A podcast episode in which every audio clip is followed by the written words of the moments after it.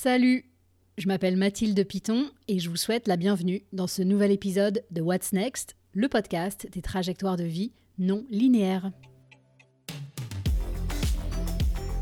Si vous débarquez, je m'appelle donc euh, Mathilde, je vis à Boston, sur la côte est des États-Unis, depuis un peu plus de 10 ans. Et dans la vie, j'ai eu plein de métiers éditrice, prof de yoga, guide, autrice de guides de voyage, de livres de yoga, de jeux, de livres de cuisine aussi. Depuis quelques mois, je m'interroge sérieusement sur ce que va être ma prochaine aventure professionnelle et je le raconte toutes les semaines dans un récit qui est le journal de bord de cette quête, avec ses hauts et ses bas et toutes les questions connexes qui s'y rattachent. Dans ce podcast, j'interviewe des gens qui ont eu leur propre trajectoire de vie non linéaire que je décortique avec elles. Ces personnes ont un lien avec le récit que je publie. Cette semaine, en l'occurrence, dans la newsletter euh, de What's Next, je raconte comment l'idée de faire ce podcast a germé. J'aime bien ce sujet de la formation des idées parce qu'on a toujours l'impression, a posteriori, que tout est évident et presque facile. Alors, je lève le voile sur les raisons qui m'ont poussé à lancer ce podcast et les étapes créatives qui m'y ont amené. Et c'est sous forme de journal de bord, donc là, pour vous resituer, on est à peu près euh, au début de l'été 2022. Et mon invitée aujourd'hui, elle a aussi lancé un podcast en 2020 et c'est de ça dont on va parler, mais pas seulement. Laetitia travaille depuis 20 ans dans l'événementiel, on va parler de sa carrière. Alors vous allez me dire, euh, mais c'est quoi cette trajectoire non linéaire si ça fait 20 ans qu'elle travaille dans le même domaine? Eh bien en fait, Laetitia, oui, elle travaille dans l'événementiel depuis 20 ans, mais ça ne veut pas dire que son parcours est sans euh, chemin de traverse.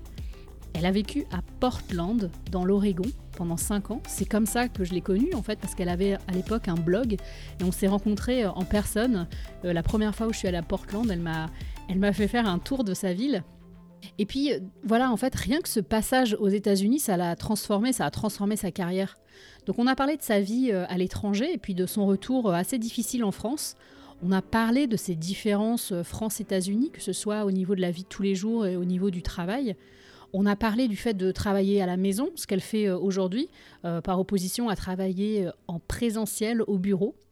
Et puis, on a aussi beaucoup parlé de podcast. Pourquoi elle, elle l'a fait Son podcast, il s'appelle Derrière les sourires? Son envie, en fait, de se connecter aux autres, de parler d'histoires qu'on raconte pas nécessairement.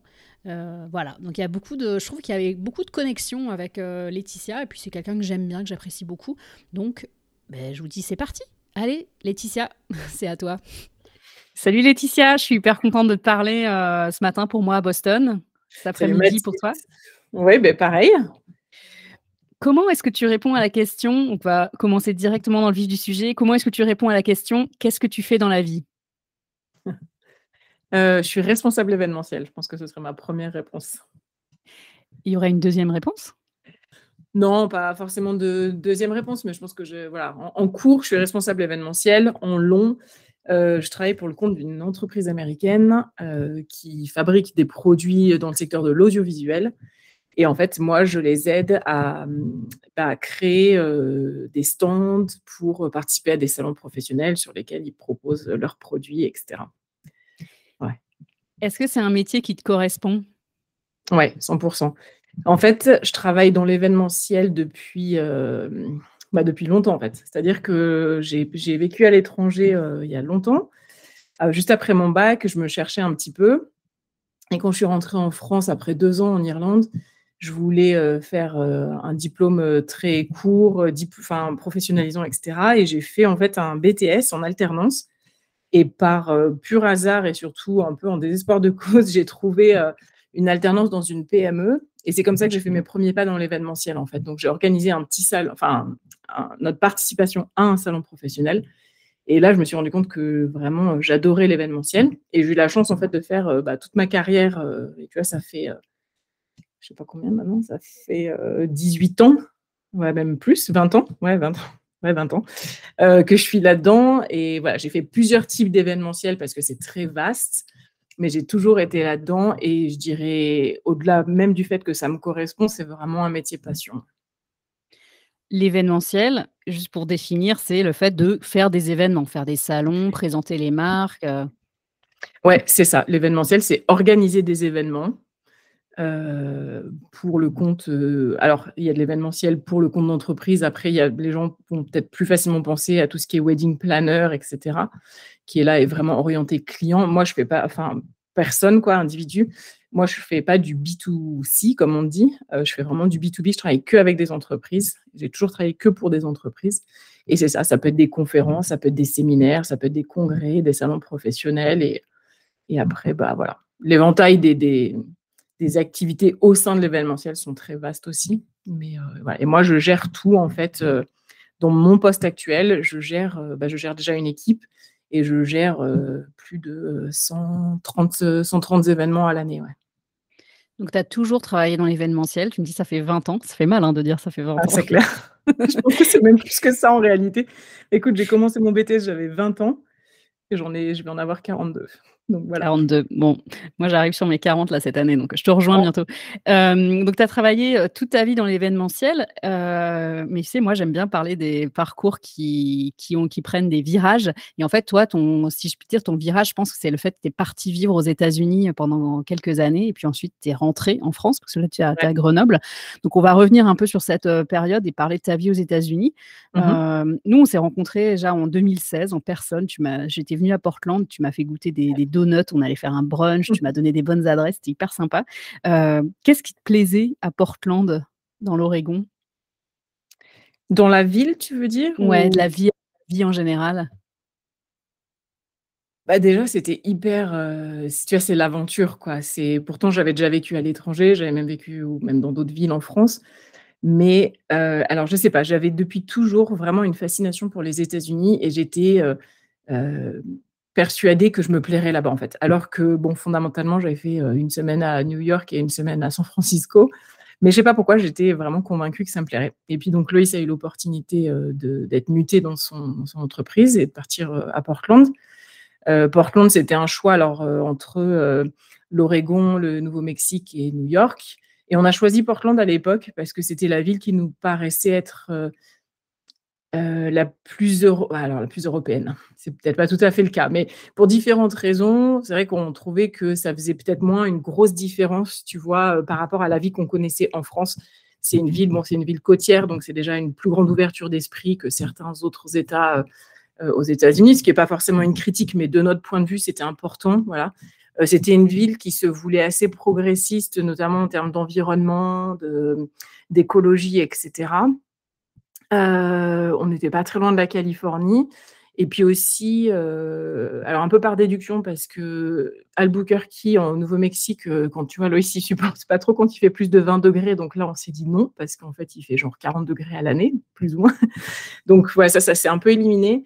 Et puis New York, c'était dans l'État de New York, mais c'était pas à New York. Et on avait un copain qui avait fait cette même expérience et voilà, il n'avait pas, euh, lui, il n'avait pas hyper accroché. On connaissait déjà bien les hivers rigoureux pour avoir les mêmes ici, enfin plus ou moins.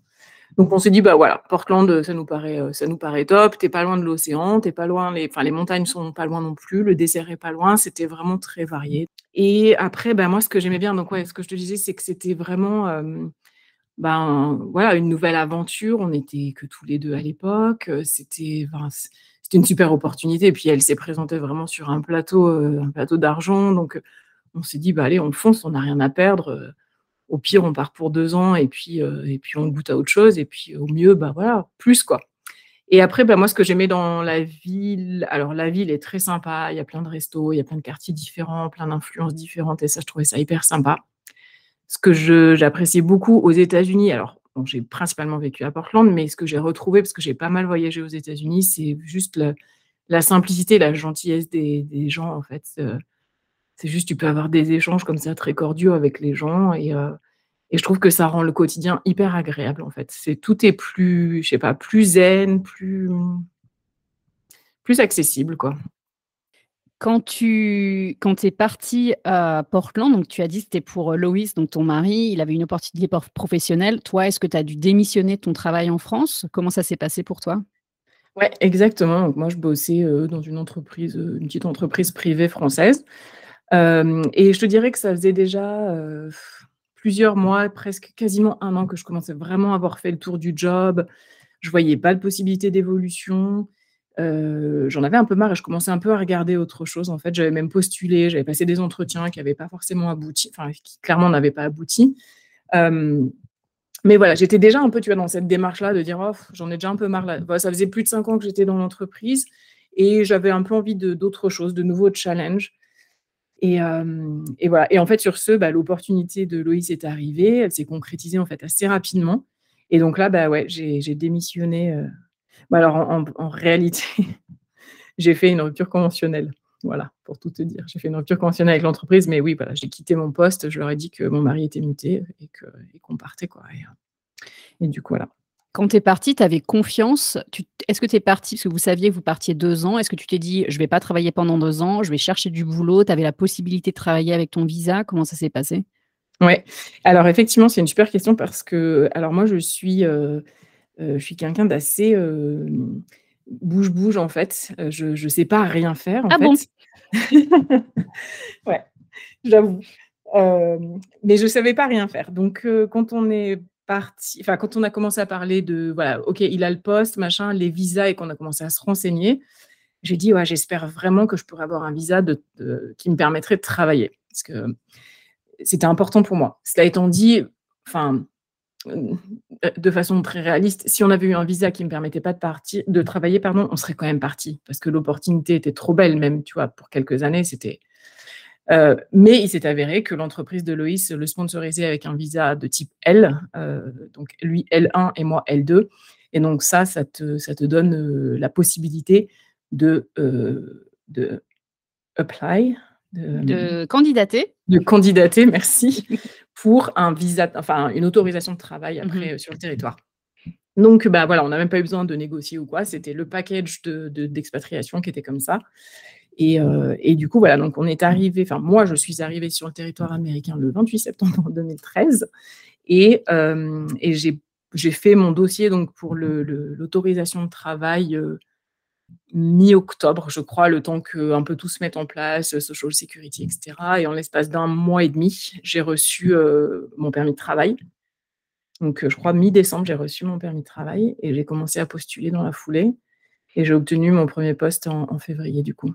Tu aucune. Euh, est-ce que tu avais des appréhensions, plutôt, je devrais demander, de, du fait que le travail euh, serait en anglais euh, Est-ce que tu dis, est-ce que tu avais des, appréhensions parce que tu disais, est-ce que mon diplôme il va être reconnu ou est-ce que tu t'es basé juste sur ton expérience, ta volonté? C'était quoi ton état d'esprit en fait? Honnêtement, je me rappelle pas avoir eu des appréhensions, ce qui ne veut pas dire que j'en ai pas eu. Honnêtement, peut-être que c'était le cas. Après, il faut dire que je suis de nature assez fonceuse en fait, et je suis pas du genre à m'imaginer les les potentiels, euh, tu vois, les potentiels risques ou challenges que je vais rencontrer. Mais seulement quand je les rencontre, je me dis, bon, bah, ok, donc là, clairement, c'est un problème et j'avise. Mais moi, je suis plutôt fonceuse, en fait. Et du coup, alors, j'avais quand même la chance euh, euh, de parler très bien anglais, parce que, donc, comme je l'ai dit, j'avais déjà, déjà vécu deux ans en Irlande dans ma jeunesse. Mais j'avais jamais perdu mon anglais, parce que j'ai toujours aimé parler anglais. Donc, j'ai toujours, j'ai toujours été bonne à l'école en anglais. Puis, donc, deux ans en Irlande. Et ensuite, j'ai toujours aussi travaillé dans des milieux euh, professionnels euh, internationaux. Donc, je parlais anglais presque quotidiennement. Alors, pas, c'était pas toute ma journée de travail, parce que j'étais quand même dans une entreprise française. Donc voilà, cette barrière de la langue, déjà, ça m'a jamais posé de problème. Euh, même s'il y a des mots, clairement, j'y suis allée en me disant, bah, tiens, je connais pas le vocabulaire technique pour dire fournisseur de machin, ou tu vois. Mais j'étais pas hyper inquiète, je me suis dit que j'apprendrais sur le tas. Est-ce que tu as essayé de dire fournisseur et ça n'a pas marché? Fournisseur Non, mais il y a des mots, je pense qu'ils ont, dû sortir en, qui ont dû sortir en français de temps en temps. Euh, et voilà, et en fait, ouais, je ne savais vraiment pas quoi m'attendre, donc je me suis dit, bon, bah allez, postule. J'ai commencé à regarder, ouvrir les sites, hop, j'ai postulé. En fait, c'est allé très vite, c'est-à-dire que j'ai postulé à deux jobs, et le deuxième auquel j'ai postulé, c'était le bon. Enfin, c'était le bon. Je veux dire, euh, ils m'ont pris, en fait. Ouais. Ouais, les complexes que j'ai pu avoir et les, difficultés que j'ai pu rencontrer sont arrivés après. C'est-à-dire que j'ai commencé à bosser, donc euh, là, j'ai bossé dans une agence événementielle.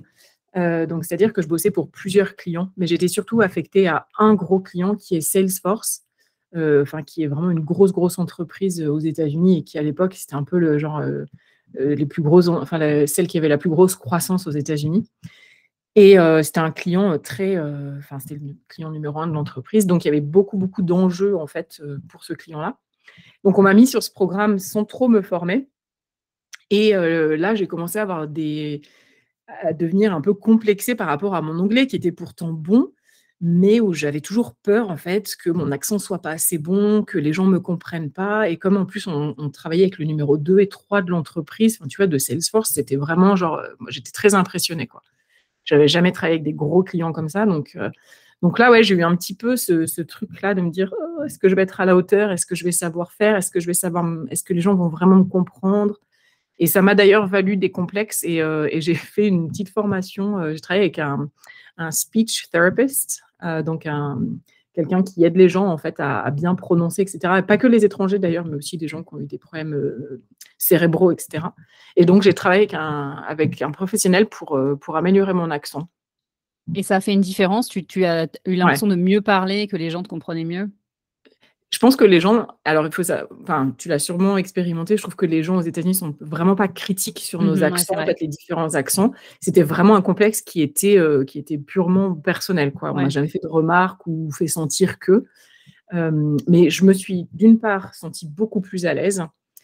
Et clairement, oui, je pense que ça a amélioré ma prononciation, même si elle était, je pense, pas mauvaise à la base, mais voilà, ça m'a donné la confiance et ça m'a rassuré euh, moi-même sur, euh, sur mes compétences et, ça m'a donné plus la, ouais, la, la, sérénité d'esprit euh, pour, pour me lancer et parler et voilà, pas avoir peur. Moi, dans mon premier job ici à Boston, où j'ai travaillé dans une maison d'édition, et j'avais aussi un complexe par rapport à mon accent et ma prononciation.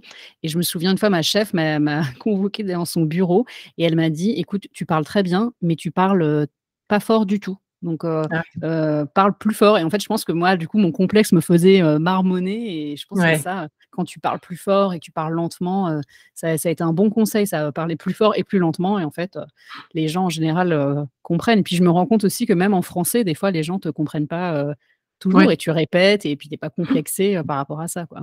Ouais. Et puis même maintenant, il y a des Américains des fois qui parlent effectivement pour d'autres raisons, hein, mais qui sont des natifs et on est en réunion et je suis là, mais qu'est-ce qu'elle dit? Je comprends pas, elle marmonne, elle mâche les mots, je sais pas. Donc finalement, tu vois, on a tous. Hein. Ouais, mais du coup, voilà. En tout cas, pas, pas vraiment de, gros complexes, ouais, pas trop d'appréhension. Vous êtes resté combien de temps à Portland? Quasiment cinq ans. Et tu as toujours travaillé dans l'événementiel, du coup, pendant ces cinq ans euh, à Portland. Quoi? Ouais, j'ai eu trois jobs différents, trois, j'ai fait trois entreprises différentes pendant ces cinq ans, mais toujours dans l'événementiel. Ouais. Qu'est-ce qui te motivait pour changer à chaque fois? Le premier changement, ça a été en fait, bah, j'ai été un peu débauchée, c'est-à-dire qu'une collègue à moi est partie dans une autre agence événementielle. Et moi, dans mon premier job, je faisais une petite partie d'un très gros programme et c'était très bien. Ça m'a aussi permis, euh, bah, tu vois, d'acquérir tout le vocabulaire anglais sur des choses techniques que je savais en français mais pas en anglais, de prendre de l'assurance, etc. Et donc là, en fait, elle m'a contacté et euh, elle m'a proposé en fait de gérer le, ce qu'on appelle un roadshow, c'est-à-dire un événement qui va visiter plusieurs villes. Et en l'occurrence, là, c'était pour Microsoft comme client et c'était surtout un roadshow international. Donc en fait, j'ai fait quasiment tous les continents. Et non seulement ça, mais surtout, en fait, j'étais le chef de projet de tout ce, roadshow international. Donc, euh, l'attrait pour le, challenge professionnel était immense. Euh, je te cache pas non plus que je faisais un bon salaire de, je sais plus, mais pas loin de 30%, je crois.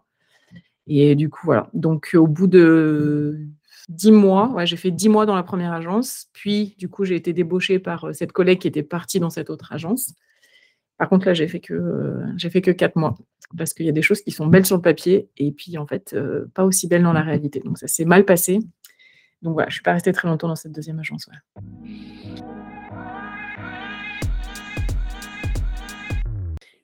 Tu as lancé en octobre 2020 un podcast qui s'appelle Derrière les sourires, dont euh, la mission est de parler de la vie telle qu'elle est, derrière les sourires affichés.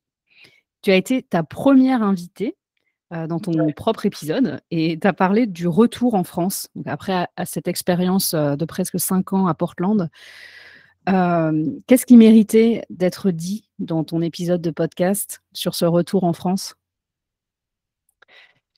En fait, le podcast, si on revient un tout petit peu en arrière, le podcast, il est né parce qu'au retour en France, j'ai déprimé, en fait. c'est venu très progressivement, presque un peu insidieusement.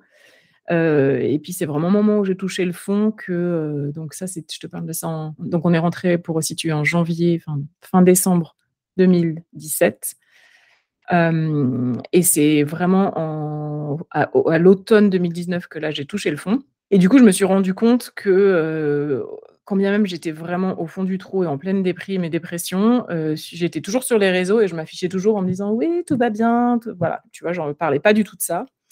Et puis un jour, je me suis dit non, mais en fait, c'est complètement ridicule parce que je, en fait, je suis au plus, bas et je, suis là en train de partager sur les réseaux sociaux comme si tout allait bien. Et je trouvais ça en fait complètement hypocrite. Alors, c'est pas un jugement envers qui que ce soit, c'était vraiment un jugement envers moi-même. Euh, et, voilà. Et en fait, quand j'ai commencé à parler un petit peu de la dépression sur, euh, Instagram, principalement, je me suis, il y a plein de gens qui m'ont dit ah mais merci euh, de dire que voilà la vie est pas toujours facile, que c'est pas toujours parfait, etc.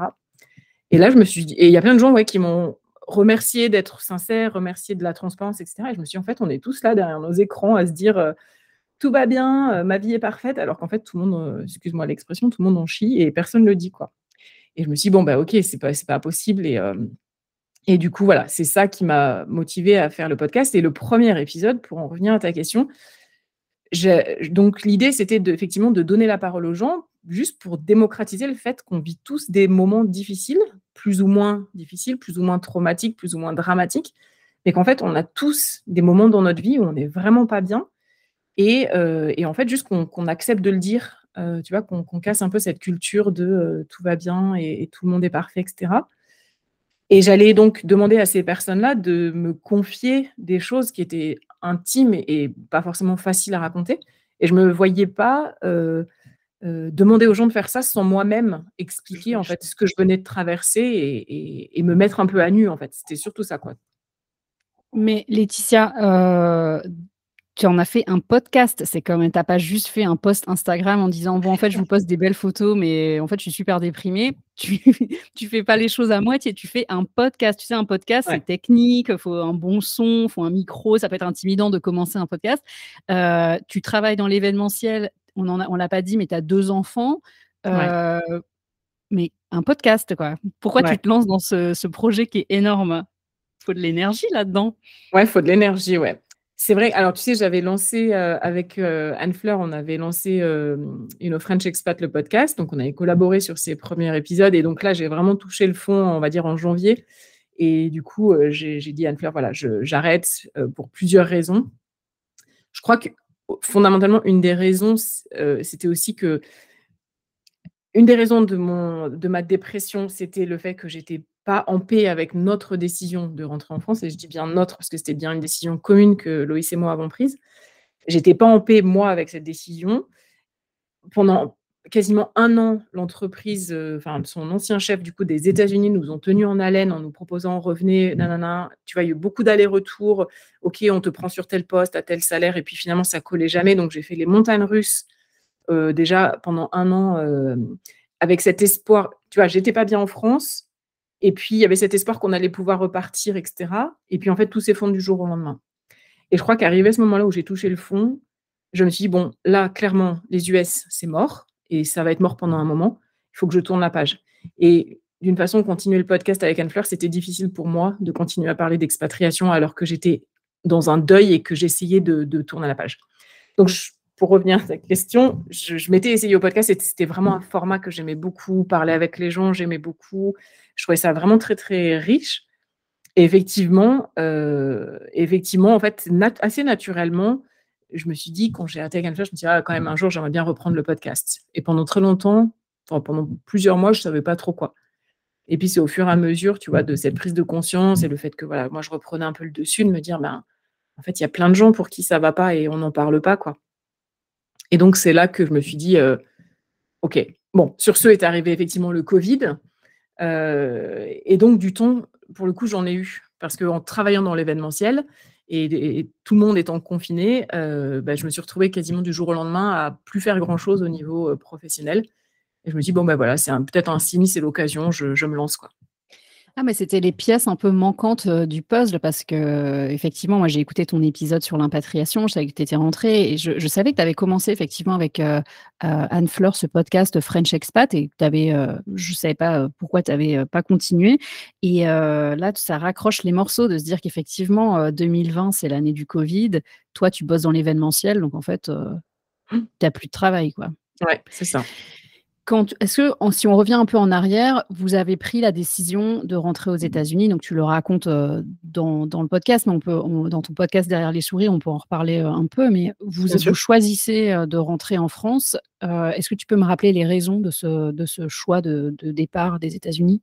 Déjà, Loïs, lui, il avait déjà vécu aux États-Unis. Il avait fait une année de, il, a bossé dans, il avait bossé et vécu dans le Colorado. C'était une super expérience à la fin de ses études, etc quand on est revenu, pendant un an et demi, deux ans, il était, il était bien, ça lui plaisait bien. Et en fait, au bout de deux ans, il a commencé à plus être super. Euh, voilà, les US, c'était sympa, mais pas plus. Quoi. Il y avait des choses qui, lui, qui ne lui plaisaient pas. Et, euh, et euh, voilà. Donc, il y avait, si tu veux, un peu ce truc-là. OK. parti de là, on avait quand même tous les deux une bonne situation, donc on ne s'était pas posé plus de questions. Et puis, il y a eu plusieurs fois son chef donc, du coup, je rappelle, il a été muté en interne. Donc, il avait son mmh. ancien chef de France, on va dire, et son chef aux US. Et son ancien chef de France qui venait régulièrement taper à la porte. Est-ce que tu veux rentrer en France? J'ai un poste. Alors, la première fois, c'était au bout de même pas deux ans. On, était en train, on venait juste d'avoir notre carte verte, je pense, ou je sais plus. Et je dis, oh, bah non, non, pas maintenant, on rentre pas et tout. Bon. La deuxième fois qu'ils sont venus, j'étais enceinte de notre deuxième enfant. Et moi, j'ai dit, oh bah non, euh, moi je suis toujours bien. Mais voilà, bon là, ça faisait déjà un peu plus longtemps qu'on y était. Et je sentais que voilà, pour lui, c'était un peu pesant, cette vie au quotidien. Mais c'est difficile parce que quand on a un qui est bien, l'autre pas bien, tu vois. Bon. Et, euh, et, du coup, voilà. Et puis, bah, la troisième fois qu'ils sont venus taper à la porte, notre fils, donc notre deuxième enfant venait de naître. Et en fait, je pense que Loïs a ressenti aussi une certaine pression tant qu'on était deux, on gagnait bien nos vies, c'était, chouette, etc. Et puis après, tu deviens parent. Euh, alors déjà, tu as cette responsabilité, hein, malgré tout, peu importe où tu vis, tu as la responsabilité maintenant d'une autre vie qui n'est pas la tienne ni celle de ton conjoint. Tu as la responsabilité de cet enfant ou de ses enfants. Et puis, tu as tout le côté, euh, comment dire, euh, sécurité, on va dire, aux États-Unis que tu n'as plus. C'est-à-dire que tu n'as pas de la sécurité sociale telle qu'on la connaît en France, tu n'en as pas. Donc, tu as des assurances privées qui coûtent très cher. Tu cotises pas forcément à ta retraite ou, enfin bon, c'est d'autres modalités. Euh, si tu perds ton job, ben, tu n'as pas de chômage. Et du coup, pour Loïs, qui est beaucoup plus, tu vois, moi je te disais, je suis très spontanée, j'affronte les problèmes quand ils se présentent et je n'anticipe pas. Ou je. Lui, il fonctionne pas du tout comme ça. Donc lui, il est devenu père et dans un pays où tu n'as plus de filet de sécurité ou très peu. Et je pense que ça lui a beaucoup pesé en fait sur, euh, sur les épaules. Donc il y avait ce truc-là un peu en filigrane. Et donc la troisième fois qu'ils sont venus, donc Noam venait de, naître et son chef revient une, troisième fois vers lui. Loïs et Olivia, donc notre fille qui avait à l'époque un an et demi, avaient passé deux semaines en France euh, en vacances. Moi j'étais enceinte de, notre fils, donc je n'avais pas pu voyager. Et voilà, je sentais bien qu'au retour, euh, la famille lui manquait, enfin voilà, tout un tas de trucs. Et donc sur ce, littéralement, euh, quand je te dis que notre fils venait de naître, c'est-à-dire qu'on a reçu la sollicitation, euh, Noam avait quatre jours. Il reçoit un email en disant tiens, j'ai un poste pour toi, etc. Bon, et là on a évalué le truc. Bon bah ok, qu'est-ce que qu'on fait? Moi je sentais qu'il n'était pas bien, donc c'est difficile aussi. Et euh, j'ai dit bon bah écoute, voyons ce qu'ils ont à proposer. Et si tu veux, c'est un processus qui a duré pas loin de quatre mois. Et puis, bah, en fait, à chaque fois qu'on demandait quelque chose, on l'obtenait. Donc, tu vois, moi, j'avais mis la barre très haut en disant si on n'a pas ça, on rentre pas, si on n'a pas ça, on rentre pas. Et en fait, ils étaient, euh, ils s'alignaient sur tout ce qu'on demandait. Donc, au bout d'un moment, j'ai dit bon, bah, allez, euh, on rentre. Quand je prends cette décision, enfin, quand on prend cette décision, qu'on en parle, etc., et que je dis bon, bah, ok, moi, je suis ok pour rentrer, toi, tu as envie, ok, ben, on rentre. Je pense littéralement à tout le monde, sauf à moi. C'est-à-dire que je pense à lui, je pense aux enfants qui vont être plus près de mmh leur famille, pense à nos familles, je pense à, tu vois, aux cousins, aux cousines, tout un tas de choses, mais je pense pas à moi. Mais ça, je le sais pas encore consciemment. Il m'a fallu une thérapie pour, en arriver là. Euh, et, du coup, voilà. Donc, les raisons, en gros, c'était un, pas un gros mal-être, mais voilà, en tout cas, le fait que Loïs n'était pas hyper euh, à l'aise dans sa vie aux États-Unis, plus cette pression, plus, c'est important de le souligner, ces sollicitations qui arrivaient de la France en disant est-ce que tu veux rentrer? Et quitte à rentrer, bon, on s'est dit, euh, peut-être qu'ils ne vont pas revenir une quatrième fois. Et là, ils, viennent avec le tapis rouge et le plateau en or. Donc, est-ce qu'on peut vraiment euh, passer à côté de ça quoi? Sachant qu'il y avait effectivement besoin, enfin, une, certaine envie de rentrer, euh, en tout cas pour la part de Loïs. Donc, voilà. Donc, c'est ce qui nous décide à ce moment-là à rentrer. Euh, merci de, rappeler le contexte parce que c'est vrai qu'il y a beaucoup d'éléments et c'est toujours compliqué. Enfin, c'est la vie en fait. Hein. C'est des situations qui sont complexes. Il y a plein de choses qui s'entremêlent. Et ce retour en France, alors, il s'est passé, euh, il s'est passé comment? J'imagine ça a été tumultueux avec un tout petit bébé, une petite fille aussi. Euh. Ça a été très très tumultueux. je vais essayer de faire court parce que j'avoue que je ne suis, pas très forte pour faire court. Mais en fait, ça a été très difficile. Donc, effectivement, on rentre euh, le 21 décembre 2017. Noam a, il a passe cinq mois encore. Olivia a deux ans. Euh, et on rentre en France à la période de Noël. Donc, on atterrit à Lyon, puisque en fait, le poste était sur Grenoble, là où on habitait avant, là où moi j'ai grandi. La famille de Loïs est en Alsace. Donc on rentre, euh, donc avec ce, tu ce nourrisson et cet enfant en bas âge, euh, on rentre aussi avec euh, deux métiers à temps plein. du coup, d'ailleurs, excuse-moi, je reviens un tout petit peu en arrière. Donc moi, je, donc Noam né en juillet, et donc je te dis tout de suite après, il y a cette discussion qui commence de est-ce qu'on rentre en France. Mais moi, je suis encore en congé maternité, parce que j'avais quand même un petit congé mat à l'époque. Et donc, je rentre au boulot, je reprends mon, boulot au bout de six semaines et je vois mon chef en me disant Bon, bah écoute, euh, on a une proposition pour rentrer en France et on est vraiment en train de la considérer. Et assez rapidement, mon chef me dit Bah écoute, euh, donc, je lui amène ça et je lui dis euh, Moi, j'ai vraiment très envie de continuer à travailler avec toi. De toute façon, que j'organise des événements partout dans le monde. Donc, finalement, peu importe où je suis, avec les moyens de communication du jour, on peut, on peut se débrouiller. Et lui me dit, répond tout de suite, oui, oui, moi, j'ai pas du tout envie qu'on interrompe euh, notre collaboration. On travaille très, très bien ensemble. Je suis très contente de ton travail. Donc, euh, rentre en France et tu continues de bosser pour nous euh, depuis la France. donc voilà. Du coup, ce qui m'amène à te dire que donc on rentre avec deux enfants en bas âge, un nourrisson et un enfant en bas âge, et on rentre tous les deux avec un job à temps plein. C'est-à-dire qu'on rentre le 21 décembre. Loïs commence son nouveau boulot, donc le 3 janvier. Et moi, euh, je prends quelques jours de pause entre Noël et jour de l'an, mais en gros, je m'arrête pas du tout. Euh, un truc qui est aussi important, c'est que deux semaines avant qu'on parte des États-Unis, l'entreprise pour laquelle je bosse est rachetée en fait par un groupe euh, d'investisseurs financiers. Donc, on a un nouveau PDG et un nouveau vice-président. et en même temps que tout ça, je bosse depuis un an et demi sur un énorme projet parce que j'ai fait un, on a refait totalement le stand. Donc ça parlera peut-être pas forcément aux gens qui s'y connaissent pas, mais en gros j'ai un stand qui fait 200 mètres carrés que j'ai refait tout le design du stand avec un, fabricant de stand. Ça fait un an et demi que je suis là-dessus et je vais le lancer le 2 février 2018 euh, à Amsterdam. Donc là, on rentre dans ce contexte-là de mon chef qui m'a dit oui, oui, on continue de bosser ensemble, mais un nouveau PDG, euh, dans le, package de ce qu'on appelle relocation, donc on devait avoir un logement qui s'avère être à la limite de l'insalubre. Donc on, dort de nuit ici, de nuit là-bas, encore une fois avec le contexte familial que j'ai décrit. Et là, c'est l'enfer. Et finalement, on se trouve un Airbnb pour loger un peu plus longtemps, tout en cherchant un appartement ou un logement, en tout cas plus longue durée, on va dire. Et à deux jours de partir à Amsterdam, on, donc, je pars à Amsterdam et quand je rentre d'Amsterdam, on a deux jours pour euh, déménager ailleurs.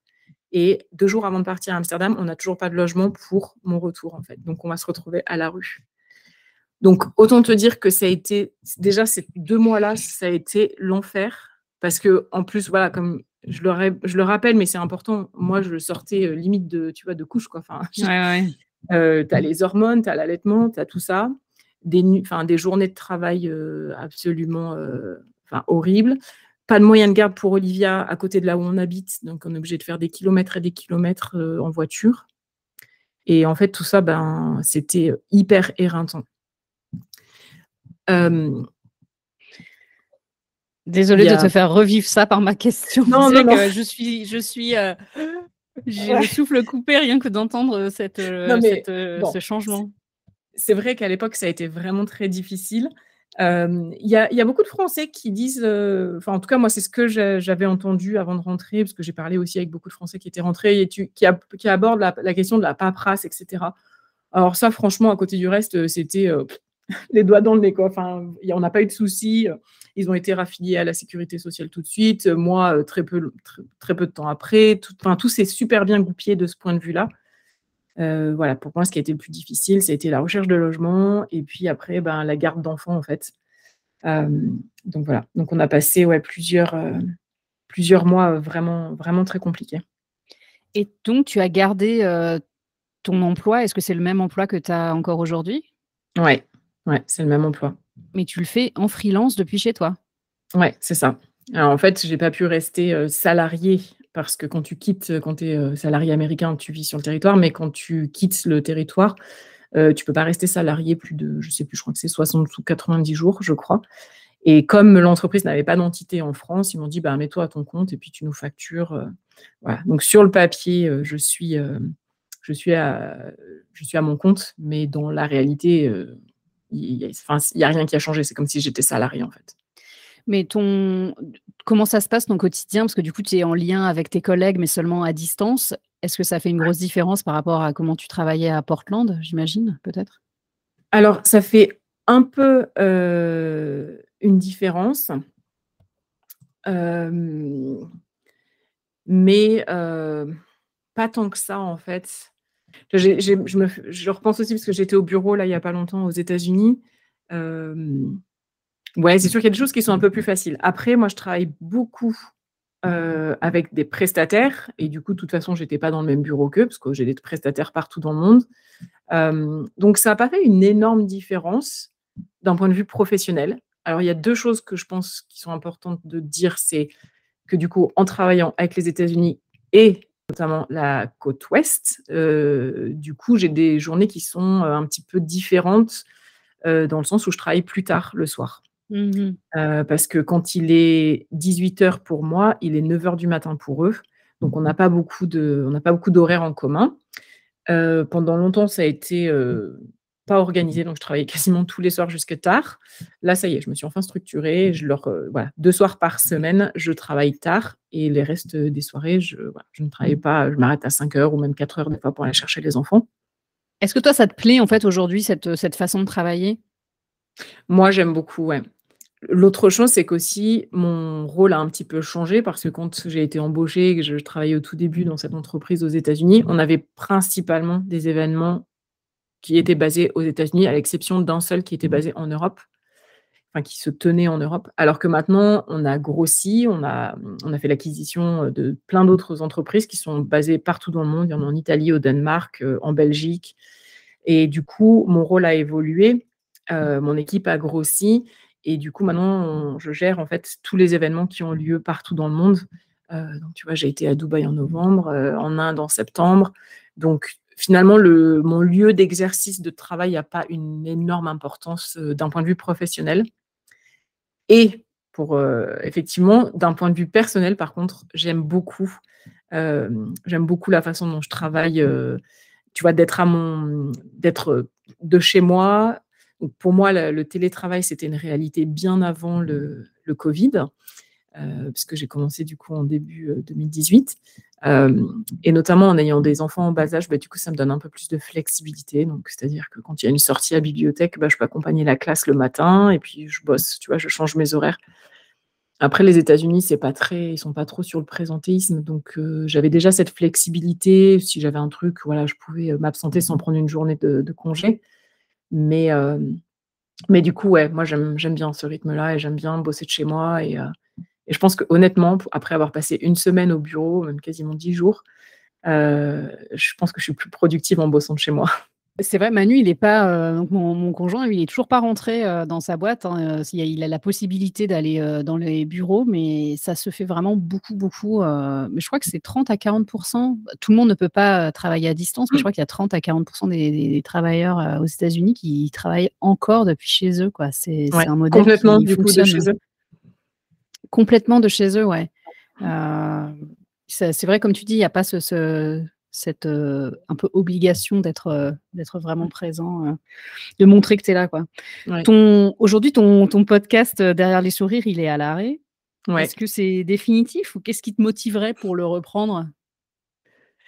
Alors, j'espère que ce n'est pas définitif. Mais alors, de la même façon que je suis passée à un rythme de travail de 45 heures par semaine à 0 heure pendant le Covid, eh bien, je suis repassée de 0 heure de travail à 50 euh, heures, voire 60 heures par semaine, puisque tous les événements qui ne s'étaient pas tenus en deux ans c'est pas qu'ils se sont tous condensés sur, sur 2022, mais en fait, il y a eu une très très forte concentration entre mai, c'était vraiment mai 2022, le moment où les événements ont repris, jusqu'en jusqu'à décembre. Et puis, et puis du coup, ben, voilà, après, au niveau économique, ça reprend doucement. Du coup, là, j'ai enfin pu recruter une, deuxième, enfin troisième personne du coup avec moi dans mon équipe. Donc, c'est pas, à vrai dire, c'est pas une question de motivation pour le podcast, c'est une question de temps. c'est vraiment ce qui a fait que là, j'ai plus réussi à, j'ai plus réussi à, produire des épisodes parce que, enfin, j'ai littéralement bossé. Enfin, je pense qu'au printemps, pardon, ça a dû tourner à quasiment 70 heures par semaine. Et j'ai presque pas arrêté. J'ai pris deux, deux, semaines et demie de vacances cet été et je suis repartie. ben, c'est simple, j'ai posé les enfants à la rentrée dans leur, dans leur classe et le lendemain matin, je partais en Inde.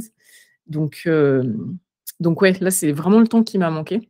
Mais j'espère vraiment que c'est pas définitif parce que j'ai déjà, enfin, très personnellement, j'aimais vraiment beaucoup produire ces épisodes, m'entretenir avec les gens, etc j'ai l'impression que c'était un podcast que les gens ont apprécié, en tout cas ceux qui le connaissaient l'appréciaient.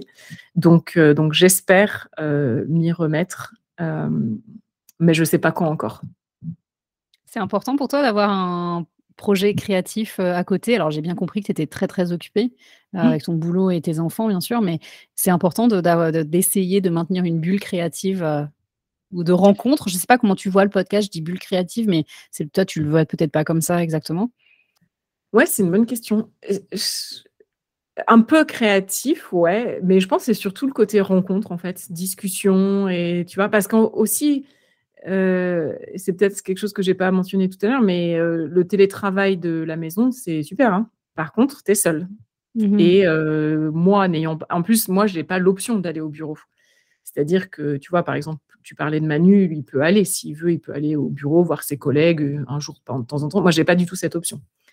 Enfin, si je peux, mais du coup, c'est aller aux États-Unis. Donc, ça fait un peu loin. Quoique maintenant, ma nouvelle recrue est en Belgique, ça fait moins loin. Mais voilà, je veux dire, c'est pas un truc où tu dis, tiens, ce matin, allez, je, me motive, je vais au bureau, je vois un peu de gens, je, voilà.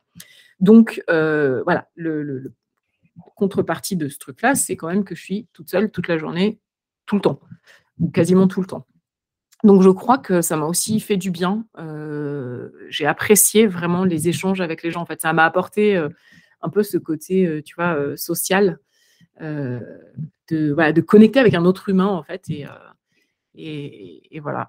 Et puis de donner la parole, franchement, et sans aucune euh, prétention aucune, mais voilà, de pouvoir avoir un espace de parole où les gens se sentent libres de parler, et potentiellement ceux qui n'ont pas envie de parler, mais qui ont juste envie d'écouter, et ben d'avoir, voilà, de produire ce, truc-là.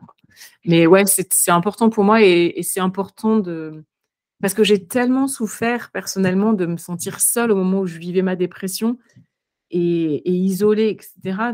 Et, puis après, de me rendre compte qu'en fait, bah non, j'étais pas toute seule, mais que personne, enfin, très peu de gens en parlent en fait. Hein. que je pense que ouais, c'est important pour moi de ce point de vue-là aussi. J'ai écouté plusieurs des épisodes de Derrière les, de Derrière les sourires et un épisode qui m'avait marqué, c'était celui de, je pense qu'elle s'appelle Charlotte Atri, qui, est, qui vit euh, en Californie sur, euh, sur sa première grossesse. Et c'est un épisode, mais je m'en souviens. En général, j'écoute des podcasts et puis je, je, sais, je fais, je sais pas, je fais la vaisselle euh, ou je suis en train de marcher. Et ce podcast, il m'a tellement pris, je me suis assise je l'ai écouté, mais je devais rien faire. Je devais juste écouter. Et c'était vraiment, je m'en souviens encore, il était vraiment très émouvant. Quoi. Donc c'est vrai. Et, je, pour revenir à ton, ton, ton, idée que tu travailles seul, moi, dans, dans cette transformation de travail que je suis en train de faire, je suis, je suis aussi encore pas mal isolée professionnellement. Et c'est vrai que j'ai remarqué aussi que le fait de, de, faire des, de discuter avec des gens. cette semaine, j'ai fait deux épisodes de podcast, dont le tien. Ben, c'est vrai que ça, je suis contente de parler à un autre humain, même si c'est à mmh. travers un écran, et ça m'apporte, ça nous, ça, ça me nourrit, quoi, au-delà de. Enfin, c'est ouais, c'est important, quoi. Même si tu es mmh. là derrière ton écran, mmh. c'est quelque chose qui apporte beaucoup, quoi. Ouais, ouais, tout à fait d'accord. Qu'est-ce que euh, je pourrais te souhaiter professionnellement parlant pour les 5 à 10 prochaines années? Ce serait quoi un, un, gros objectif, un événement que tu voudrais organiser? Super Bowl, je sais pas. Ouais, c'est marrant, on m'a souvent posé cette question-là. Alors, j'avais des copines qui étaient dans l'événementiel, qui disaient les Jeux Olympiques, des choses comme ça. Je je sais pas. Écoute, je, t'avoue que j'ai jamais. Ouais, non, il n'y a pas un événement où je me dis, ah, ce serait vraiment génial à organiser. Moi, ce que j'ai envie, c'est de continuer à évoluer, continuer à. Alors, évoluer, on va dire,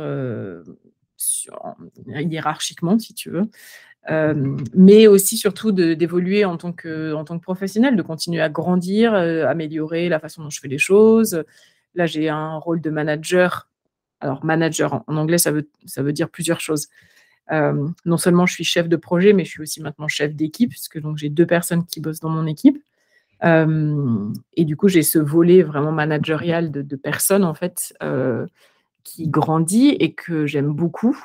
Euh, j'ai notamment la, dernière personne que j'ai recrutée en Belgique, c'est une jeune et du coup, je suis hyper, euh, hyper contente de pouvoir, j'espère, lui transmettre ma passion. Lui, voilà, elle vraiment, elle sort de l'école, elle est toute, euh, toute jeune, toute fraîche et mais elle a super envie d'apprendre. Donc j'ai vraiment ce côté un peu mentor, tu vois, que, que moi j'ai pas eu du coup. enfin, tous mes postes, j'ai toujours appris sur le tas.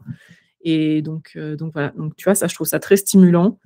Euh, de travailler avec de nouvelles équipes, de mettre en place vraiment des stratégies. Ça, ça m'a peut-être un petit peu manqué récemment. Donc euh, ça, et puis... Ouais, je sais pas. En fait, je prends vraiment beaucoup de plaisir dans tous les événements que j'organise parce que c'est des mois et des mois de travail, mais quand tu arrives sur ton stand et que, tu vois, tu vois les gens, c'est euh, ouais, une adrénaline qui est difficile à, expliquer, mais ouais, je prends vraiment de plaisir et il n'y a pas un événement qui me fait fantasmer plus que d'autres. mais juste euh, ouais, continuer à faire ça et continuer à m'éclater là-dedans aussi parce que ben voilà, pendant le Covid, ça a été un peu dur parce qu'effectivement, je te disais, c'est un métier passion.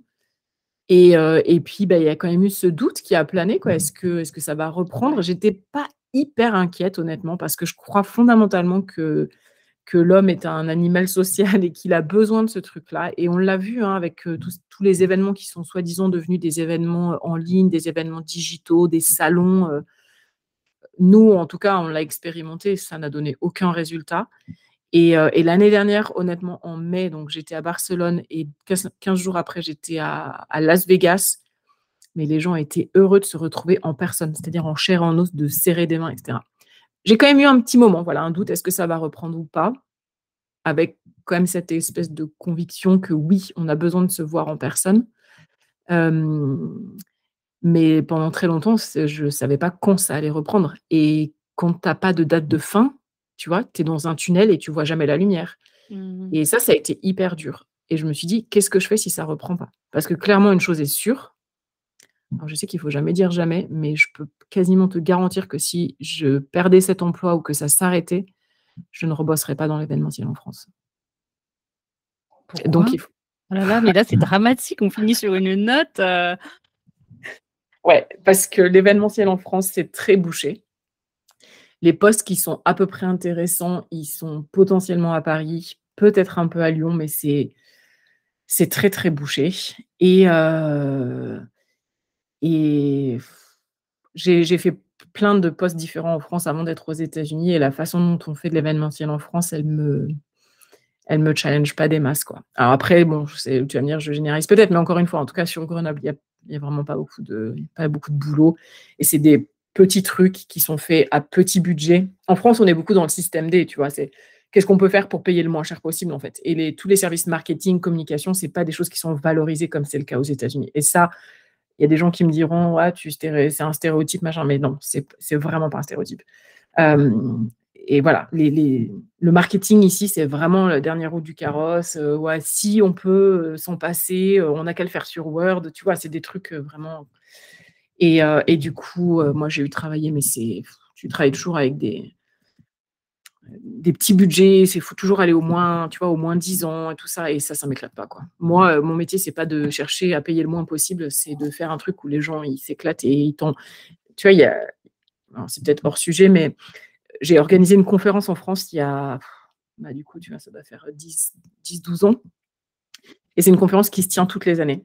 Et j'ai une collègue qui est toujours, une copine qui est toujours dans ce milieu-là, qui a fait la conférence 2022. Et qui était à Nantes. Et elle a rencontré un confrère là-bas qui lui a dit Oh là là, je me rappelle encore de l'événement de Grenoble en 2000, je sais plus combien, mais c'était génial, le meilleur qu'on ait jamais eu. Tu vois. Et ça, c'est un événement que j'ai organisé.